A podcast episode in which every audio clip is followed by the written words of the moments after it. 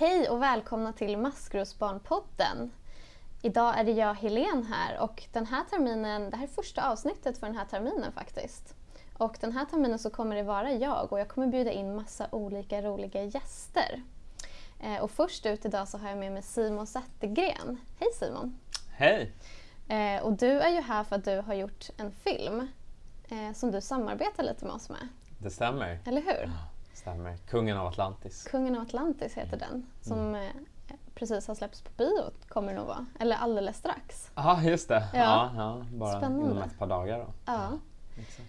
Jag tänker att du ska få berätta lite mer om den här filmen alldeles strax. Mm. Men när vi eh, har en gäst med på podden så brukar vi alltid göra en botten, toppen, stolt. Och vi brukar alltid låta gästen få börja. Ehm, så då kommer du få berätta någonting som har varit botten, något som är toppen och något du är stolt över. Okej. Ja. Eh, nej, men en botten är väl att jag knappt har fått sova eh, senaste tiden. Eh, jag jobbar väldigt mycket nu Mm. eh, med, med att eh, ta filmen i mål och marknadsföra den och sådär. Eh, så att, så att jag, är, jag är lite trött och småkrasslig sådär. Eh, men toppen är att eh, filmen är eh, filmen är klar och Mm. den har premiär här inom kort, Mm. eh, första mars. Mm. Och, eh, och något jag är stolt över det är väl att eh, det här har varit en jättelång process och eh, det har funnits många chanser att ge upp. Mm. Men jag har inte gett upp. Så Mm. att, och nu är vi i mål. Så att, det är jag stolt över. Mm, vad fint, tack. Min botten eh, den här månaden är... eh, Jag eh, håller på att flytta och då behöver man packa en del och jag ogillar väldigt starkt att packa. Det är något som tar emot varje gång och städa, flyttstäda och sådär. Jag kan förstå det. Ja. men eh, det är ju också kul att flytta. Eller så Mm. det, Det det kan ju vara både och, men det är ju kul med någonting nytt. Precis. Ehm, och min toppen är nog att det har börjat bli ljusare ute. Mm. Jag eh, är inte en vintermänniska. Jag älskar våren och sommaren Mm. och vill gärna gå i ide på vintern som en björn. Men det får man inte när man är människa. Så nu har det börjat bli ljusare och det är väldigt skönt. Min stolt är att jag eh,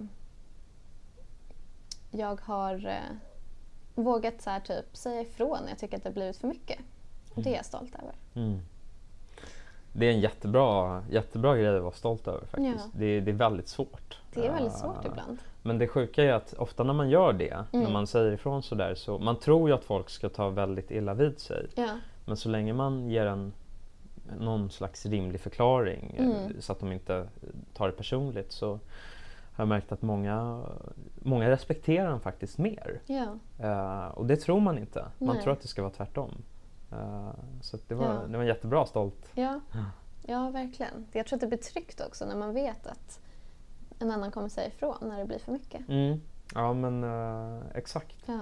Sen, eh, så, på tal om att flytta, jag förstår dig verkligen. För att jag, typ flytt, jag tror jag, under min uppväxt så flyttade jag tror det var åtta gånger på 12 år eller något sånt där. Ja. Så att jag har, också, jag har fobi mot att flytta. Är det sant? Ja. Och packa och, och Ja, sånt? Nej, det är det värsta, jag får panik. Ja. Eh, det är nog bland de få så här, irrationella fo- liksom, Mm. reaktionerna jag har. Mm. Det är så här, ah, jag, Ja. jag blir jätte, jätte så jag, jag, jag förstår Mm, din... eh, min botten. ja, Ja. precis. Men eh, du, den här filmen, Mm. Kungen av Atlantis. Mm. Kan inte du berätta lite om den? Vad är det för en film? Absolut. Nej men eh, Kungen av Atlantis, det är en uh, dramakomedi. Eh, och den heter då Kungen av Atlantis för att jag har en pappa som har schizofreni. Och under min uppväxt så trodde han i perioder att han var just kungen av Atlantis. Han hade den Ja, han, han, hade den uppfattningen om, om sig själv. Va? Eh, den vanföreställningen. Och ehm, eh, den handlar då om unge Samuel som, uh, som jag själv då spelar för att jag var billigast. Behövde spara pengar. Men den handlar om unge Samuel som uh, tar hand om sin pappa. Som spelas då av Filip Sandén. Och pappan tror just att han är kungen av Atlantis. Eh, Mm. och, och har då schizofreni. Och sen träffar unge Samuel en, en, eh, en tjej, Cleo, eh, Happy Ankell. Och eh, inser att det finns ju ett liv bortom det här livet med sin pappa. Mm. Och så ska han försöka bryta sig loss. eh, men det är ju lättare sagt än gjort Ja. när, när ens pappa tror att han är kung. Eller Mm. ja, mer specifikt då, Mm. eh, ja, kungen av. Och eh, den, eh, den bygger väldigt mycket på mina egna erfarenheter Mm. ehm, med att ha just en pappa med, eh, med en psykisk sjukdom. Mm.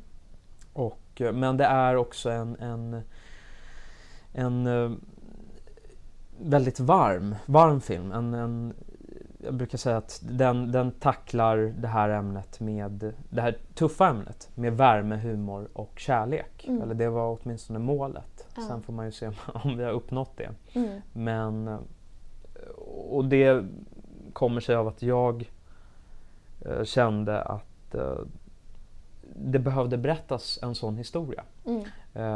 En, en historia som var lite ljusare än, än alla de här andra som, som ändå finns. Det finns ju några stycken om, om psykisk ohälsa och sådär. Mm. Ehm, och eh, ja, Så då bestämde du för att göra en film om det helt enkelt. korrekt. Ja. Det stämmer. För visst är det så att du har också skrivit manus och producerat och vad har du gjort kring den här filmen? Ja, precis.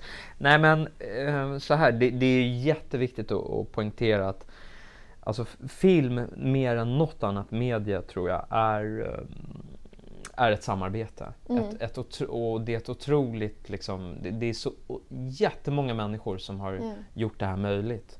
Eh, däremot så har väl jag jag påbörjade det här för några år sedan Mm. eh, när jag pluggade en, en master i London då, i ekonomi. Och eh, jag kände eh, en, en... Det var första gången som jag hade kommit bort från, från min familj och, och få, fick lite distans till det jag hade varit med om. Jag var väl en 23 år då kanske. Och då insåg jag att när jag såg alla de här andra, jag gick på en ganska en, en någon typ av det är farligt att uttrycka, jag vill inte uttrycka det så, men någon typ av elitskola liksom. Mm. Och där var det, och enda anledningen till att jag säger det, det är för att det fanns så mycket trygga, alltså det var människor från eh, de andra eleverna kom från trygga bakgrunder med Mm. väldigt liksom, klassiskt eh, upplägg och Ja. två föräldrar och ah, liksom, pengar var aldrig något problem och sådär. Ja. Och, och då började jag inse när jag såg det och dessutom fick den här distansen så började jag inse att okej, min uppväxt har kanske inte varit som, eh, som för alla andra. Mm. Och för mig var det första gången okej. eh, faktiskt. Jag antar att många kanske inser det ganska mycket tidigare.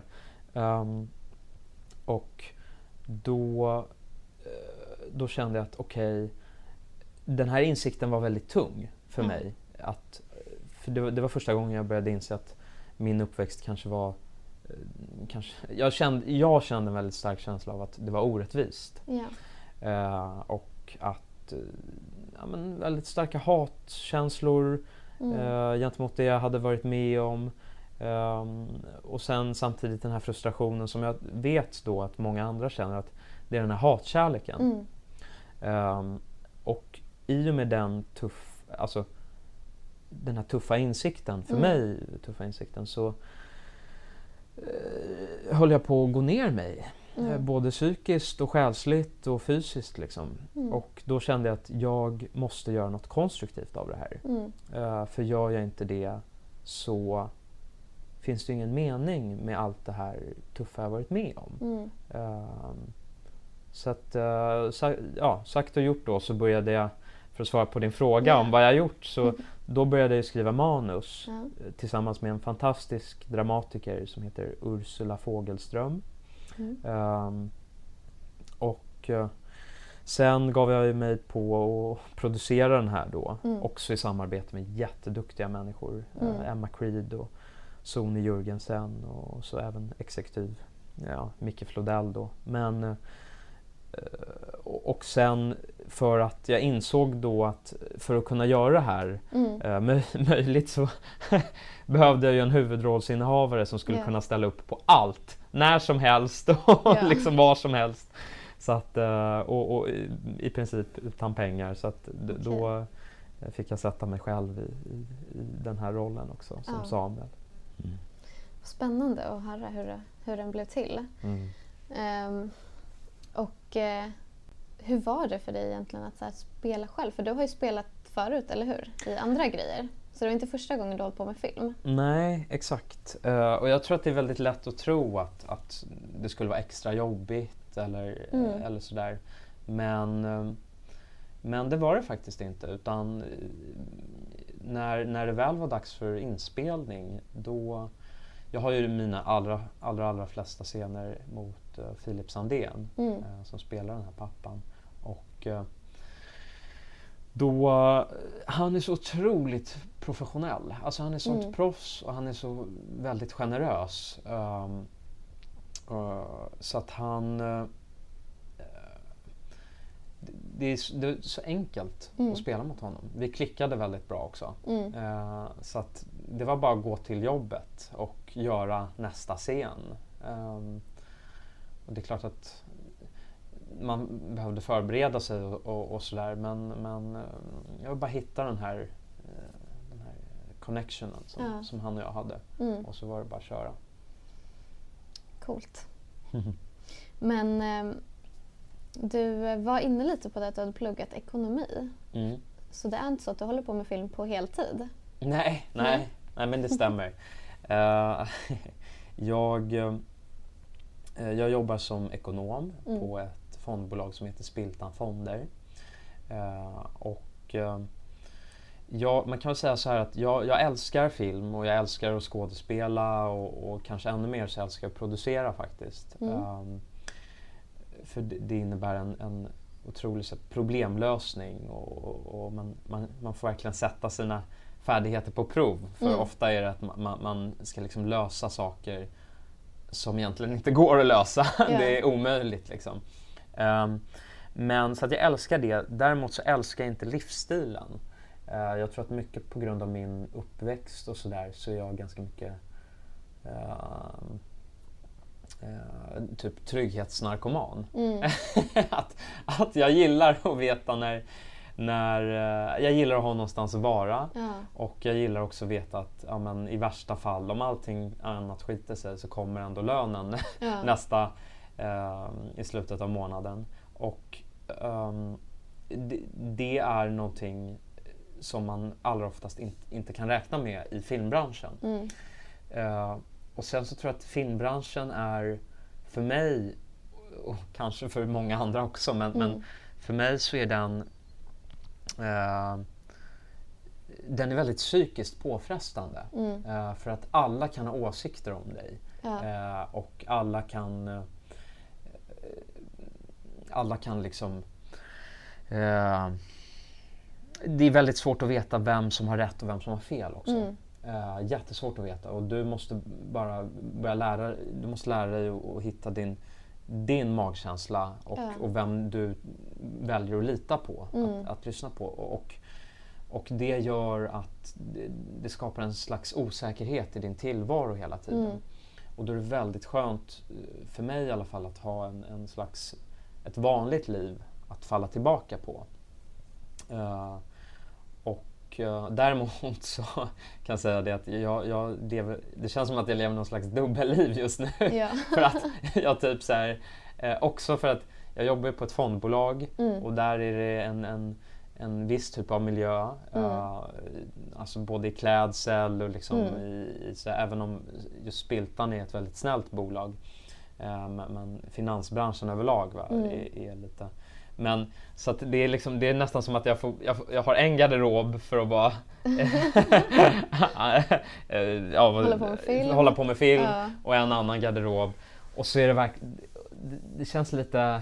Ja, men det, det är verkligen... Och, och, och så får man inte riktigt livet att, att... Så det känns som att man lever någon slags...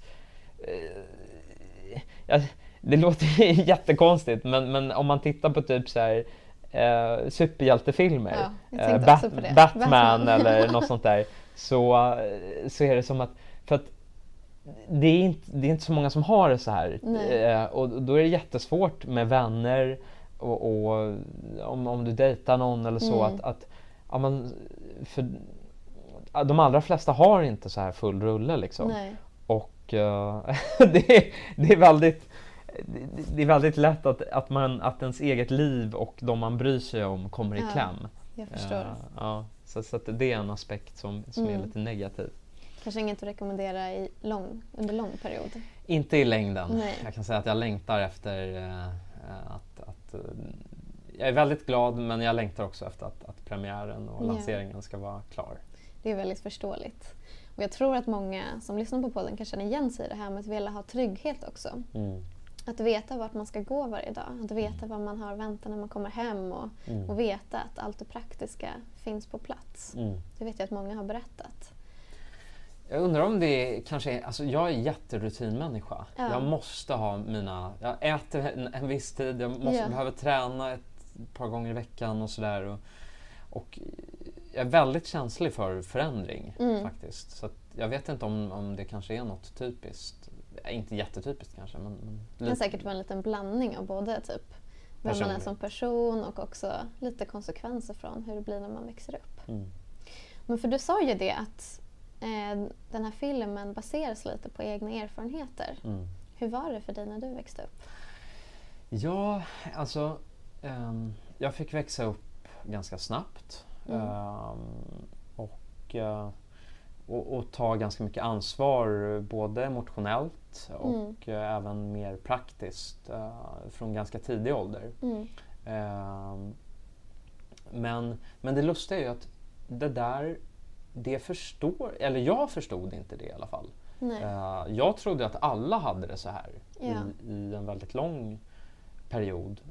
Och det var ju först då där i London som jag började inse att ja, men okej, Mm. det, det är inte så här eh, för, för alla. Ehm, och, eh, sen, men sen måste jag ändå säga att, och det är väl eh, en ganska stor anledning till att jag kan göra den här filmen ehm, och, och, tackla det på ett, ett väldigt hoppfullt sätt. Mm. Ehm, för att jag, när jag tänker tillbaka på min barndom så minns jag den i alla fall nu som väldigt liksom, ljus och, Mm. och, och, och varm. Jag tänker på den med ett stort leende faktiskt. Ja. Eh, för att ehm, min, min pappa då, trots att han har varit sjuk, så har han... Jag har alltid kommit först. Mm. Eh, alltid. Och det har varit en sån otrolig villkorslös kärlek. Mm. Så han har verkligen lärt mig vad villkorslös kärlek innebär. Mm. Ehm, och det kommer jag alltid bära med mig. Mm. Sen eh, har det varit perioder som har varit jättetuffa. Mm. Eh, och liksom saker som eh, ja men helst ska ett barn aldrig behöva vara med om. Nej. Absolut. Men eh, det har jag fått inse att det är ju inte hans fel. Mm. Det är, liksom, det är den här sjukdomen. Mm. Eh, och eh, den, den får man på något sätt försöka liksom eh, vad heter det? Compartalize. Alltså man, man får boxa in den och Ja. tänka att okej, här, det här är e- ena saken och det här är, är, är det andra fina. Liksom. Mm. Det är en väldigt fin poäng som du nämner där i att så här, det går också att ha fina minnen även fast en förälder är sjuk och att de Mm. kan få vara fina. Mm. Även fast det finns många svåra minnen också. Mm. Och jag tror att det är, är ganska vanligt att inte förstå när man är liten att det är fel det som händer. Jag tror Mm. att vissa kanske förstår och vissa inte. Att Mm. det är någon slags överlevnadsinstinkt som går igång hos barn. Att man gör det man behöver göra för att familjen ska fungera. Mm. Eh, också något som jag tror många känner igen sig i, som jag har hört många berätta tidigare. Mm. Men hade du någon så viktig person i ditt liv? Fanns det någon som stöttade dig eller hjälpte dig när det Oh, svårt? ja, absolut. Mm. Nej, men jag, jag har haft en, en otrolig tur alltså. För att eh, jag har haft väldigt många vuxna runt omkring mig Mm. som, som eh, backat upp eh, Mm. och, och hoppat in som någon slags extra föräldrar. Eh, så att både liksom familj och vänner och gudmödrar Mm. och allt vad det är. Eh, så att, nej, jag, jag är väldigt eh, jag är extremt lyckligt lottad eh, Mm. på det viset. Och, eh, det tror jag har gjort, jag tror att det är mycket det som har gjort att jag har kunnat eh, jag har ju såklart haft mina dippar så att Mm. säga och, och ändå haft det eh, lite kämpigt. Eh, Men, eh, men jag tror att det är mycket tack vare det, att jag har fått någon slags nätverk och, och luta mig tillbaka mot Mm. när, när det stormar. Liksom. Ja. Har det varit betydelsefullt för dig för att, det ska ha, för att du ska kunnat ta dig igenom det? Liksom? Eller vad blev viktigt för att ta Ja, sig igenom allt? alltså det som kommer det som kommer först till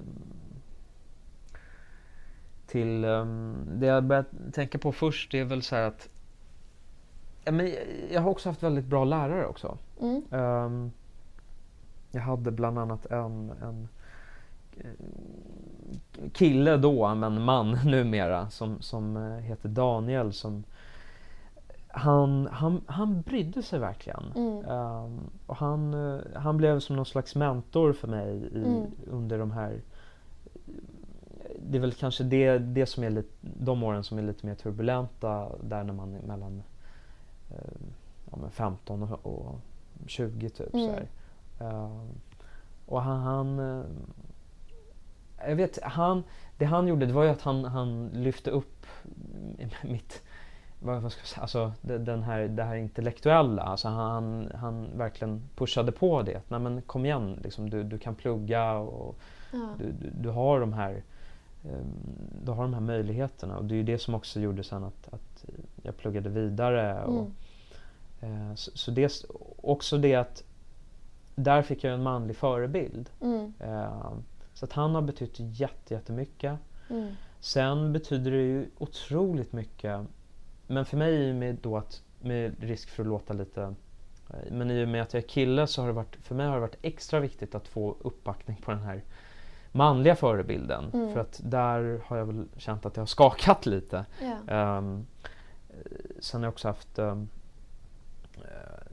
men, men då också att man får en, en otrolig uppbackning av, av även av min mamma och Mm. liksom av, av den här även med risk för att då eh, att det blir liksom könsstereotypt. Men Mm. den, här- den här mer kvinnliga sidan, det finns ju Mm. ändå något feminint och, och Mm. maskulint. Och där har jag fått Mm. av båda under, under uppväxten.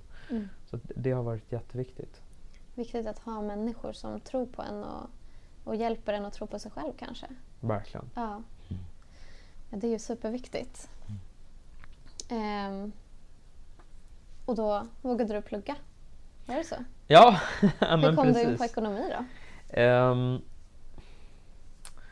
alltså så här, jag, jag har alltid upplevt ehm, att jag befunnit mig i ett väldigt starkt underläge Mm. eh, under uppväxten. Eh, och det, det underläget har varit på, på flera plan. Alltså både för, för att jag, jag vet inte hur vanligt det här är men, men jag har upplevt det i alla fall så som att på grund av att jag haft en pappa som är psykiskt sjuk, psykiskt sjuk så det, det blir ju som någon slags och jag, men, jag menar det med all kärlek, alltså, men det blir ju som någon slags handikapp. Du, du, du, fö- du, du, väx, du, du får en förutsättning som är lite tuffare än, Ja. än kanske vad standard är. Ja. Och där har jag upplevt, jag har upplevt en, en stark ehm, känsla av ehm, jag, jag har haft väldigt stora problem med min självkänsla. Mm. Att jag har känt mig otillräcklig. Ja. Jätt, väldigt otillräcklig ehm, under många år och uh, framförallt under tonåren. Mm.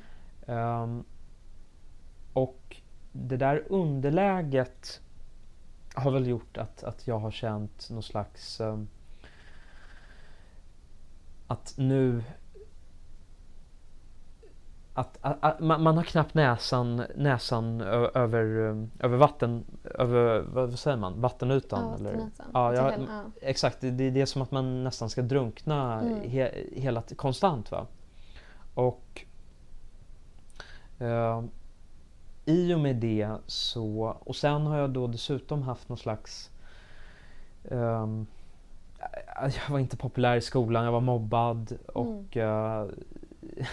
jag var så jävla, jag var jättekort fram tills jag var typ um, alltså ja, 15-16 mm. och så att jag blev liksom kallad för dvärg och liksom så här, så här, och, och jag, jag, kände mig jätte, alltså extremt underlägsen. Mm. En jättedålig självkänsla. Mm. Uh, och, och det gjorde väl att, att jag, jag, jag kände att okej, okay, nu, jag har bara en chans. Mm.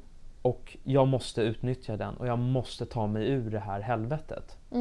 Uh, och jag måste göra allt jag kan mm. för att liksom skapa mig själv någon slags trygghet. Ja. Och, och ge mig själv en, en bas och förutsättningar att, att, att, uh, att kunna leva det li, liv som jag vill. Och mm. i samband med det så kände jag en, en... Jag har knutit an till de här, många gånger de här omöjliga... Många gånger så är det människor som blir framgångsrika eller de har en slags um, um, jag knöt hur som helst an, an till, till människor som uh, kunde röra sig, alltså som, som tjänat mycket pengar. Mm, okay. uh, det finns till exempel en som jag kan rekommendera, Andrew Carnegie, mm. uh, som är en av historiens mest framgångsrika människor. Mm. Eh, det finns också en, en, annan jättebra bok om man känner den här underlägsenheten och känner att mm. ja, men jag måste ta mig framåt på något sätt. Så finns det en som ger väldigt mycket hopp och inger en, en känsla av att allting är möjligt. Som heter, en annan bok som heter Think and Grow Rich mm. som Napoleon Hill har skrivit. Som jag också läste då. Var det som att de blev som förebilder för att eh, orka ta sig någon annanstans typ? Eller föra som inspiration? Typ? Absolut. Mm. Och de, många av de här självhjälpsböckerna, om man får, men det här är ju mm. klassiker. Det här är inte de här eh, trötta liksom, ja men bli framgångsrik på 15 dagar liksom. Utan det här är, här har de gjort research och träffat alltså, presidenter mm. och liksom, eh, framförallt den här Napoleon Hill då och, och träffat uh, framgångsrika forskare och, mm. och, och, sådär. Och därigenom har de hittat någon slags recept för, för hur, något självförverkligande. Det är mm. ju oftast det det handlar om. Och där i, det här självförverkligandet så är ju ekonomi är ett medel eh, fram till det. Att mm. få självförverkligas och kunna göra sina drömmar, alltså besanna sina drömmar. Mm. Um, och också att, att få en slags frihet mm. i att okej okay, men och då, ah, nästan, det är ganska lustigt för mm. att nästan alla de här framgångshistorierna ja. börjar med ett barn som är, på något sätt är övergivet. Ja. Och därigenom så föds det en slags vilja att uh, bevisa för världen att vet du vad, jag duger ändå. Ja. Uh, och därigenom så, så, för att knyta an till din yeah. fråga, ett väldigt långt svar på din fråga, men därigenom så kommer jag in då på ekonomi. Mm. Uh, och så det finns en, för mig finns det en väldigt stark anknytning till varför jag gillar det. Mm. Och um, det fina med, um, det är inte därför jag är här, men, men bara en mm. sista knorr uh, på, på det här. Det fina med ekonomi som man, man standard är att man tänker att pengar är något fult. Det, mm. det, det är den svenska standarden, det är någon slags yeah. jantelag och det är någonting man inte pratar om. Yeah. Och det är fine, det förstår jag. Men däremot så är eh, du kan genom pengar och genom då till exempel att, att spara på ett visst sätt, mm. eh, något som vi förespråkar ganska mycket där jag jobbar då, så kan du faktiskt med ganska små medel så kan du um, bygga upp någonting som, som rä kan räcka länge. Det kan liksom skapa förutsättningar för din familj, framtida mm. familj om du har det. Att, att få en helt annan grund och mm. en helt annan trygghet i att okej, okay, om, om någonting skiter sig och jag gör en stor, stor miss eller, mm. om jag verkligen vill besanna den här drömmen. Mm. Du kanske vill resa någonstans som är helt otroligt. Så du kan få de här möjligheterna. Mm. Och, eh, så, så för mig betyder det pengar och, och ekonomi och, och Mm. den delen, det är någonting mycket större än bara Mm. det här giriga. Ja. Mm. Vilken fin förklaring på eller anledning till att bli ekonom. Mm. Jag har nog aldrig hört en sån förklaring förut till från ekonomer. Nej, Eh, precis. och vad fint att så här, du berättar att, man, att det går ju att göra även fast oavsett varifrån man kommer från början. Mm. Vilken familj man föds in i, vilken ort man föds in i, så går det ju. Det kan vara mycket svårare för man inte har fått samma förutsättningar som vissa andra. Mm. Men det går, det är liksom inte omöjligt. Och det är jättehäftigt att du kan sitta här och berätta det för oss. Att så här, det finns goda exempel på det. Mm. Ja. Hur kom det sig att du kom in på film då? De är som helt två olika saker känns det som. Ja, ja men absolut. Ehm, I och med den här, den här underlägsenheten som jag suttit och tjatat om Mm. eh, så det finns ju en dubbelhet i, i det för att det är någonting som jag tror att man ska vara väldigt stolt över Mm. eh, och, och väldigt öppen med. Och det är lätt att man skäms över det tror jag. Och min anledning till att jag kom in på skådespeleri det var väl att jag, jag skämdes över den jag var. Mm. Och då var det extremt skönt att kunna fly in i och vara någon annan. Ja. Eh, och det är en ganska dålig anledning till att syssla med skådespeleri. Mm. Eh, för att den bästa anledningen är att du älskar yrket. Du, Mm. du tycker att du älskar hantverket helt Mm. enkelt. Och det har jag fått eh, det har jag lärt mig att älska Mm. eh, så småningom. Ja. Eh, eller efter vart. Va? Eh, men, men så till en början så var det väl att man, man älskade, dels älskade man bekräftelsen. Mm. Att om du gjorde ett bra jobb så var det vissa som såg det Ja. och, och, och, och kunde berätta det för dig. Och eh, sen så älskade jag då också som sagt att, att, att kunna fly. Fri. Eh, Mm. Men sen har jag börjat tycka om allting. Jag började medan jag pluggade. Mm. Eller jag var med i en musikal när jag var 12 och Ja. det var väl första gången jag kände att men jag fick uppskattning för någonting. Ja. Ehm, jag spelade faktiskt huvudrollen i, i, i den musikalen och i skolan då. Mm. Och eh, då fick man väl någon slags, nå- någon slags boost ehm, och kände att man, man, man dög trots att, att ehm, man kanske inte trodde på det själv. Ja. Ehm, och sen så började jag skådespela lite när jag var 17 där. Mm. Och så fick jag då en så fick jag då en roll i en, en film när jag var 19 ungefär som hette Tjobre. Eh, som en ungdomsrulle som för övrigt finns på Netflix. Är det sant? Gud, jag Ja. älskade den boken när jag växte upp. Äh, är det sant? Ja. Ja. Jag, spelade, jag spelade den här, ehm, den handlar om två killar. Ja. Eh, jag spelade en av dem som, han som eh, har en, eh, inleder en romantisk relation med, med sin lärare. Mm.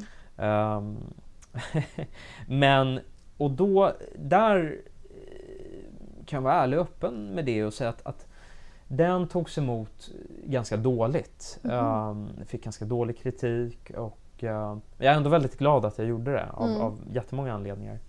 Men eh, ehm, Hur var det då att få liksom kritik? Åh, en Gud, ja, jag var ju 19 år Ja. och eh, jag kände att jag, jag hade precis fått, fått eh, näsan över vattenytan lite grann Mm. och så blev jag ju och, och så fick jag någon slags då upplevde det som någon slags revansch att ja men titta, wow, eh, kolla på mig liksom. Jag är med i en, en långfilm och Mm. eh, ni som har mobbat mig, vilka är ni liksom? Ja.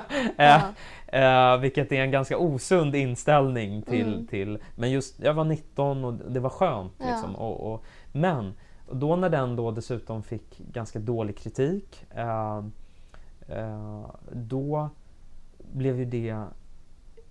Och, och sen var det också jättetufft för att under en relativt kort period, säg ett halvår eller vad det var, så blev jag jättehåsad. Mm. Upplevde jag det som i alla Ja. fall. Du vet, jag, jag, eh, och och alla, alla ljus var på mig ett tag. Mm. Och sen försvann de. Ja. Eh, så då hade jag fått så otroligt mycket bekräftelse Mm. ehm, på, på en ganska kort intensiv tid. Mm. Och sen var jag helt plötsligt bortglömd igen. Ja. Eh, och det var, det, var abs- det var en jättetuff eh, erfarenhet. Ehm, och dessutom då att det kanske, jag kanske inte var helt nöjd med, med slutresultatet. Mm. Eh, det är man ju aldrig men, men. Eh, ehm, så att, och, och där hade jag väl något slags val också i att antingen så ehm, Antingen så ger man upp och liksom, ah men okej, ja, jag, jag gjorde den här eh, stanten så att säga. Mm. Jag gjorde en kort stant i, i, i eller så utvecklar man något, något starkare, en starkare kärlek gentemot film. Mm. Ehm, och eh, för mig så blev det väl ehm, starkare i och med att det här behovet av att gömma sig och få bekräftelse, Mm. det, eh, det gick över i något Mm. annat. Och Mm. det gick över i att, att eh, jag blev mycket mer nyfiken på, okej, eh, film, eh, hur, hur gör jag allt det här bakom? Ja. Och det var så jag kom in på att producera och även skriva manus då. Spännande. Ja, för film är ju ändå ett så stort ämne. Det finns så mycket man kan göra inom film, eller Mm. hur? Ja. Ja, Det, det, det, det det är... Jag tror att när man går och ser film på bio, man blir så otroligt Mm. lurad för det ser så himla enkelt ut. ja, verkligen. Det är liksom, du är där, du sitter en och en halv timme och så och ser över liksom. Och så får man tycka vad man vill om den filmen när man tittar på bion. Det är också Mm. fantastiskt. Mm. Och det, det är ens, ens fulla rätt och lyx som, Ja. som publik. Men det är mycket svårare Ja. eh, än, än vad det ser ut, tyvärr. Verkligen. Mm. Men du, hur, ser det, hur känns det nu inför den här premiären då? då? Mm. Ehm, har, känns det läskigt? Har du några farhågor kring att släppa en egen film då? Det, eh, nej men det, känns, det känns väldigt bra. Vi, vi har liksom gjort, jag har gjort allt och vi har gjort allt vi har Mm. kunnat. Um, och det är så otroligt mycket duktiga människor. Mm. Um, en väldigt duktig eh, regissör som regisserade inspelningen som heter Marina Nyström. Som, ehm, och, och vi, har, vi har liksom hittat bra fina samarbeten överallt. Och, Mm. och vi har gjort allting vi kunnat Mm. in, in, in i det sista. Vi, teamet, tack och lov slapp jag, men de, de har inte sovit senaste. Eh, och ehm, Sen är det klart att jag har en farhåga och det är hur min pappa kommer ta emot det här. Mm. Eh, och hur han ehm, kommer orka med. Mm. Eh, och där är det också en, en balansgång för att där är det här liksom man får, kom, man får inte glömma bort sig själv heller. Va? Det, det, eh, jag, jag tror att det är en klassiker att ja, men man bryr sig bara om alla andra runt Mm. omkring. Ehm, och det, det har jag gjort i väldigt många år. Däremot så vet jag att han, han har ju varit orolig, eh, Mm. absolut. Men nu, nu eh, han är en så otroligt generös eh, person Mm. och, och känner att det här kommer hjälpa så många andra förhoppningsvis. Och han klarar faktiskt av att, att se den större bilden. Mm. Eh, och det tycker jag är otroligt, otroligt generöst Mm. av honom. Att han liksom kan bjussa på sig själv så här. Mm. Eh, för i princip, han offrar sig till viss del för att andra ska Mm. kunna få någon slags hjälp. Och, Ja. och jag blir faktiskt väldigt um, rörd av det. För att Mm. det, det, det, det, det bara visar på vilket hjärta av guld han Mm. har. Och att han också, han säger det, jag skulle aldrig kunna stå i vägen för dig Simon. Mm. Och det är så otro, det är faktiskt väldigt fint. Mm. Jättefint. Och det är ju så... Alltså det blir så viktigt och värdefullt när his, alltså historier berättas som också baseras på sanna saker. Att det berättas, Mm. att det pratas om öppet. Att det inte är så skambelagt eller tabubelagt också. För att det är ju, det är ju så det ser ut. Eh, Och din historia är ju inte... Det finns ju många liknande historier. Mm. Och sen också att man har rätten till sin egen historia brukar vi också prata om på Maskrosbarn. Mm. Att jag har ju rätt att berätta min historia eh, och mina föräldrar har sin version av den och mina Mm. syskon kanske har en helt annan version. Men att man har sin egen historia och den är den liksom. Jag får säga det till pappa, du får göra en egen film om du, om du ska klaga. Ja. Min annan version, ja. Nej, Men det är klart att det kan kännas läskigt såklart. Mm. Särskilt när det blir en så stor grej, när historien berättas så öppet. Liksom. Mm. Såklart. Men väldigt värdefullt att få ta del utav tror jag. För många. Mm. Både de som kan känna igen sig men också de som kanske saknar kunskap. Verkligen. Mm. Nej, Det har varit jätteviktigt eh, att, att det är en universell berättelse. Ja. Att det inte, du behöver inte ha några erfarenheter av det här. Eh, även om det såklart är en, en, en fördel om man ska se det så. Då. Ja. Du måste inte ha, för, för att kunna knyta an till de här karaktärerna. Mm. Spännande. Och sen har du, eh, hittade du till oss. Mm, Det är ju jätteroligt. det stämmer. Vi är så glada att vi får ha dig både här i podden och Mm. att ni, eh, du har varit och visat filmen för våra ungdomar här i Stockholm och, Mm. och, och några lärare har fått kolla på den om jag förstår det rätt. Mm, Mm. Det stämmer. Eh, nej men eh, jag, jag hittade faktiskt till er eh, genom en vän Mm. eh, som sa att när jag var mitt uppe i, i produktion och sådär så sa hon att ah, men gud du måste höra av dig till Maskrosbarn och, och, eh, och jag visste faktiskt, jag hade inte så stor koll på er. Eh, jag önskar att jag hade hittat till er tidigare. Ja. Kanske um, i sena tonåren eller så i alla Mm. fall. Jag tror att den här filmen är, är en fi- i och med att den inte är så himla, eh, som du var inne på tidigare, att, Mm. att den är inte så himla mörk. Mm. För det jag kände som, som ungdom och barn, det, um, det var väl att jag, först och främst önskade jag att fler skulle träda fram. För Mm. jag trodde att jag var jätteensam eh, med den här erfarenheten. Mm. Och jag kände en så stor skam. Mm. Eh, och de, eh, de känslorna är väldigt tuffa att vara ensam med. Jättetuffa. Eh, och, och där tror jag att den här, dels att den här, alltså att Maskrosbarn är, är jätteviktigt. Mm. eh, en jätteviktig organisation. Och så tror jag också att filmen och organisationen gifter sig väldigt bra. Mm. För att för mig var det så otroligt viktigt att den här filmen inte skulle vara den här stereotypt mörka filmen. Mm. Utan att, att ehm, de filmerna har också sin plats och är viktiga. Men för mig så var det så viktigt att, att den skulle tackla det här ämnet på ett annat sätt. Mm. För att jag kände snarare att de andra försöken, så upplevde jag det som, Mm. att de ökade ju nästan på tabut. Mm. För att om det är så jobbigt att se en sån där film, Mm. då vill ingen se det. Mm. Och eh, för det första, ingen vill se det och sen när du bara skildrar hur jobbigt, vilket helvete det har varit, Mm. då, då blir det ännu jobbigare att prata om. Mm. För att du går inte ut efter en mörk film och eh, med, med, en, med, en, med en jobbig känsla i kroppen och, säger, ja, och så frågar du ja, men hur hade du det då? Nej. För då blir det bara, ja du vill ju inte höra allt det där mörka. Ja. alltså, Jag förstår vad du menar. Ja. Ja. Så Ja. tänkte jag. Mm. Och jag håller med dig om den här filmen för jag har ju sett den nu. Eh, och den är så himla fin för att den beskriver något annat.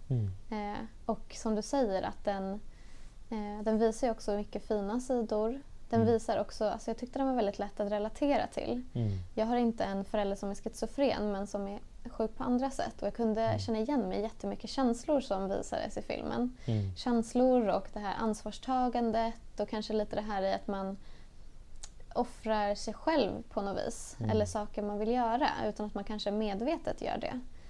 För att hjälpa och finnas där för någon annan, för en vuxen som egentligen ska fylla den rollen för en själv. Mm.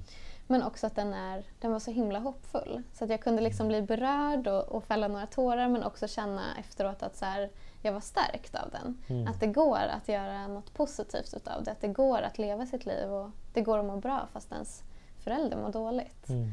Och det tyckte jag var så himla fint med den filmen. Ehm, och jag tycker att det behövs sådana filmer. Och det är skönt att kunna Jag tror att det är bra för ungdomar att få se sådana exempel också. Att få se att så här, de kan faktiskt vända sitt liv också. De Mm. kan bestämma sina egna liv. Jättehäftigt. Tack, tack för att du berättar det här. Ja. Ja, jag, jag har ju inte fått så många reaktioner än så jag, jag blir faktiskt Mm. jag blir berörd. Ja. Mm. Jag tror att du kommer få många bra reaktioner. Vi Mm. får se vad, vad som sägs om den sen. Mm. Eh, men jag är nog ganska säker på att många här på Maskrosbarn kommer tycka om den. vi, vi gör en Hail Mary och Ja. ber, till gudarna. Mm. ja. Ehm, men du, eh, vi brukar alltid fråga våra gäster eh, också om de har någonting som de skulle vilja säga till sitt 15-åriga jag om du Mm. hade träffat om du hade träffat Simon när du var 15 eller tonåring. Vad hade du velat säga till honom då? Jag tror att det som hade hjälpt mig Mm. ehm, det, är att, det är att veta att, att det finns en anledning. Mm. Det finns faktiskt en anledning till att du är med om det här som Mm. du är med om nu. Och att du har det så himla tufft. Den, den anledningen är, är inte eh, uppenbar nu Nej. och den kommer inte vara det på väldigt länge. Mm. Ehm, men, men det kommer. Mm. Eh, och jag tror, att, jag tror faktiskt att det är så att alla som har varit med om någonting åt det här hållet, eh, Mm. något liknande. Det, det är en sån himla gåva. Mm. Eh, det är en otrolig gåva som du får av livet. Ja. Ehm, och det, du, du, om jag nu talar till 15, 15 år, du kommer inte uppleva det som, som det är just nu. Mm. Aldrig i livet. Det här är liksom, du, du, du bara önskar, önskar bort från det här. Liksom. Men det här är en sån otrolig gåva som du kan utnyttja, om du bara utnyttjar den. Mm. Och se till att, att använda den till något positivt. Mm. Och det, det kommer komma efter vart. Mm. Eh, det, det rådet hade, och jag tror på riktigt att alla har den möjligheten att på Mm. sitt sätt göra sin, Mm. sin grej av, av de här tuffa erfarenheterna. Och med gåva så visst menar du att det är så här att man kan använda det som en styrka på något sätt. Att det jobbiga som man har varit med om, Mm. att man kan vända det till någonting. Exakt. Precis. Det är vad som kallas för, ble- lite klyschigt, men a blessing in disguise. Mm. Det verkar som en otrolig motgång Mm. och som något jättehemskt. Liksom. Mm. Men det här kan du vända till en, Mm. till en styrka. Ja. Fint. Eh, och om vi blickar framåt då? Mm. Om du skulle vilja skicka med någonting till dig själv om fem år, Mm. vad skulle du vilja skicka med då?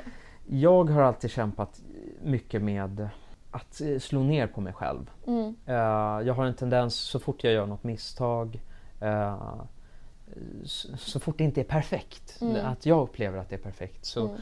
så är det inte bra alls. Mhm. Alltså, då är det inte värt någonting. kan man Nej. lika gärna slänga bort det. Eh, och, så därför är mitt råd, eh, som jag har fått genom liksom terapi, Mm. väldigt, väldigt men det är, ett, det är nästan ett löjligt enkelt råd men, men som jag fortfarande behöver applicera och, och jag tror att jag kommer behöva applicera om fem år och det är att um, var snäll mot dig själv. Ja. Var så jäkla snäll mot dig själv för att Mm. det är så lätt att prata ner, prata ner sig själv och eh, vara taskig och liksom och, och bara för att sätta det i en kontext och ett exempel som Mm. är ganska lätt, lättbegripligt och, Mm. och handfast. Då är det så att om en kompis kommer till dig och mår dåligt Mm. Självklart, då är det ganska självklart att man ger snälla råd och säger nej men du är fin som du är och liksom sådär. Ja. Eller hur? Ja. Ehm, så varför pratar du inte så till dig själv? Mm. Ja, det är så sant. eller hur? Ja. Det är, jätte, det, det är väldigt ologiskt att, att, att du förolämpar dig själv Mm. och sitter och liksom... Och, så att prata med dig själv som om du pratade med en vän. Ja. Och på ytan är det ett väldigt um, klyschigt råd. Mm. Men om du bara dyker ner lite och faktiskt tänker på hur du pratar med Mm. dig själv så tror jag att man upptäck, många kan nog upptäcka att ja, men jag är nog inte så himla snäll egentligen. Nej. Och eh, där är det ganska lätt att eh, bry, Det är faktiskt ganska enkelt att, att bryta mönstret med, Mm. med ganska små medel. Mm. Ja, och jag vet att vissa tycker att det, eller det kan vara jättesvårt ibland att så här, göra det, säga fina saker till en själv och ens Mm. märka att man säger elaka saker till en själv. Men att så här, man får öva på det, Mm. precis som annat. Om man vill lära sig spela gitarr så behöver man öva och öva och öva. Mm. Och på samma sätt så kan man behöva öva på att vara fin mot sig själv och ändra tankesätt. Mm. Men att det är så värt det. Det är jättevärt och, och, och jag, jag avskyr när råd är väldigt, när de liksom är, när de bara sveper över. Va? Så Ja. för, för, för mig blir det så då att, om jag ska vara lite specifik, då blir det så Mm. att Säg nu till exempel, om vi ska vara väldigt konkreta och knyta an till den här filmen då. Mm. Så den här filmen, det hade kunnat bli ännu mycket bättre. Va? Mm. Eh, och det hade alltid kunnat bli. Så att, ha- mitt, hade det här varit jag för några år sedan Mm. så hade jag gått och grämt mig över det här säkert i en vecka minst. Mm. Och haft jätt, liksom, varför gjorde du inte så här? Och varför, Ja. liksom. Men då får man försöka då, hade man varit snäll mot sig själv, då hade man sagt Vet du vad, du är 26 år Mm. och du har gjort din första långfilm Mm. eh, mot alla odds. Eh, och då får man se det som ganska, och du är i mål. Ja. Det, det, det är liksom, se det så istället. Och, och var, nej, den är inte perfekt. Men den, den räcker gott nog. Så Ja. att, var nöjd. Det är ju så coolt också. Mm, klart du ska vara nöjd och stolt. Ja, det, är- Ja. det, är- it's all, uh, vad heter det, det är allt, en, allt är en, um, en fasad. allt är en fasad. Nej då. Ehm, så att, så att om man ska vara Mm. specifik så, så är det... Mm. Nu tog jag chansen och gav mig lite självterapi. Ja, det, det gör du rätt i tycker jag. Ja. Och jättefina tips och råd till dig själv men också till andra där ute tänker jag. Mm. Att ta del av också. Mm. Ehm, har du några särskilda önskningar för den här filmen i framtiden?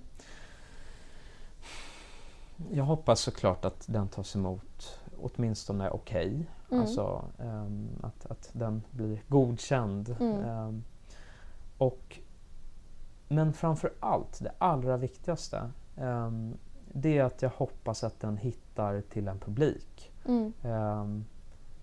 Den viktigaste publiken är dels att den hittar till en lite bredare publik, för det vore jättekul. Mm. Eh, och och ehm, det vore kul av flera anledningar. För att, eh, som du säger, jag tror att de kan lära sig, alltså folk kan, kan knyta an till det här och få en Mm. större förståelse utan att bli sänkta. Ja. Ehm, sen är det den allra viktigaste publiken, det är ju såklart de som, eh, de som direkt berörs det här, eh, av Mm. det här, direkt eller indirekt. Ja. Ehm, och, eh, så att jag hoppas att, och jag hoppas att de ska tycka om den Mm. eh, och känna att, att nej men det här ehm, det här var något som kanske hjälpte mig lite grann. Mm. Att, att veta att jag är, in, jag är inte ensam med det här.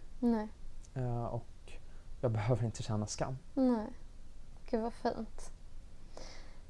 Det var jättefint verkligen. Och det tror jag också att den kommer göra. Eh, den kommer nå och den kommer träffa. Mm. Träffa dem i hjärtat. Som sagt, en Hail Mary. Ja. Om man eh, blir intresserad nu då när man lyssnar på podden och Mm. eh, vill se den här filmen, vart Mm. kan man se den någonstans? Den kommer lyckligtvis faktiskt, den kommer gå i hela Sverige. Eh, så att bor du liksom i Västerås eller på Gotland eller Ja. Uppsala, Göteborg, Stockholm och även liksom ännu mindre orter Ja. så Folkets bio är ju faktiskt ganska, som är distributör Mm. i samarbete med SF, Okej. eh, är faktiskt så- pass fina så att de har ju biografer på lite mindre orter. Oh, nice. Eh, men sen har även SF tagit sig an den. Mm. Eh, Så den kommer visas på många biografer, många städer. Ja, sen, sen får man ju se en... en, en det är otroligt tuff konkurrens. Så ser den på biograferna snart, i början av Stämmer. mars. Stämmer. Mm. Kul! Mm. Du Simon, tack så jättemycket för att du ville vara med i podden. Det har varit jättefint att ta del av, av eh, din historia och din film. Jag är jätteglad att du har varit här. Tack så jättemycket för att jag fick vara här. Ja. Och eh, ni som lyssnar, vi ses, eh, eller vi hörs, nästa månad. Ha det så himla bra så länge. Hej då! Du kan klättra så högt som du vill Det är ditt liv, ingen annan säger till Sikta mot toppen, dit du vill nå. Fortsätt att kämpa, du vet att det går. Du kan klättra så högt som du vill. Det är ditt liv, ingen annan säger till. Sikta mot toppen, dit du vill nå. Fortsätt att kämpa, du vet att det går. Det finns så mycket skit som händer hela tiden.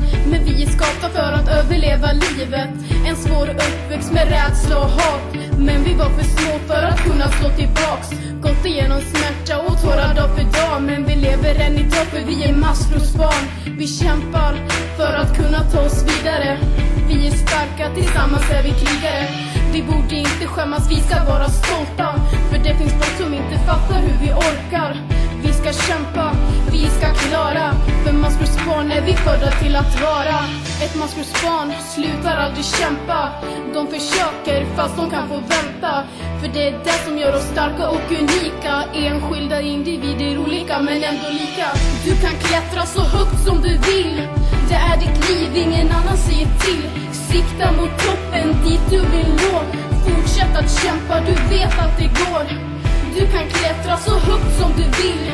Det är ditt liv, ingen annan säger till. Sikta mot toppen, dit du vill nå. Fortsätt att kämpa, du vet att det går. Jag vet att det känns tufft, försök att blicka fram. Finns ju för att kunna ta hand om varann. Känner liknande känslor om hur kärlek blev hat. När dagarna blev tunga bestod av skrik och prat om det är en tröst har vi gått i samma spår. Även som det känns som ingen annan förstår Måste vrida in och ut på det som är ditt liv. Tänka efter vad du vill så du i hjärtat känner frid. Skapa dig en framtid, du är värd att må bra. Kolla på Therese och vad hon blivit idag. Hon har varit som du, legat i botten på ett hav. Men kämpade sig upp och skapade maskrosbarn Hennes ord är så sanna, precis som hon sa. Även om man mått väldigt dåligt kan man må väldigt bra. Vi vet att du klarar, vi vet att du kan. Det är aldrig för sent, bara greppa någons hand. Du kan klättra så högt som du vill. Det är ditt liv, ingen annan säger till. Sikta mot toppen, dit du vill nå. Fortsätt att kämpa, du vet att det går. Du kan klättra så högt som du vill. Det är ditt liv, ingen annan säger till. Sikta mot toppen, dit du vill nå. Fortsätt att kämpa, du vet att det går.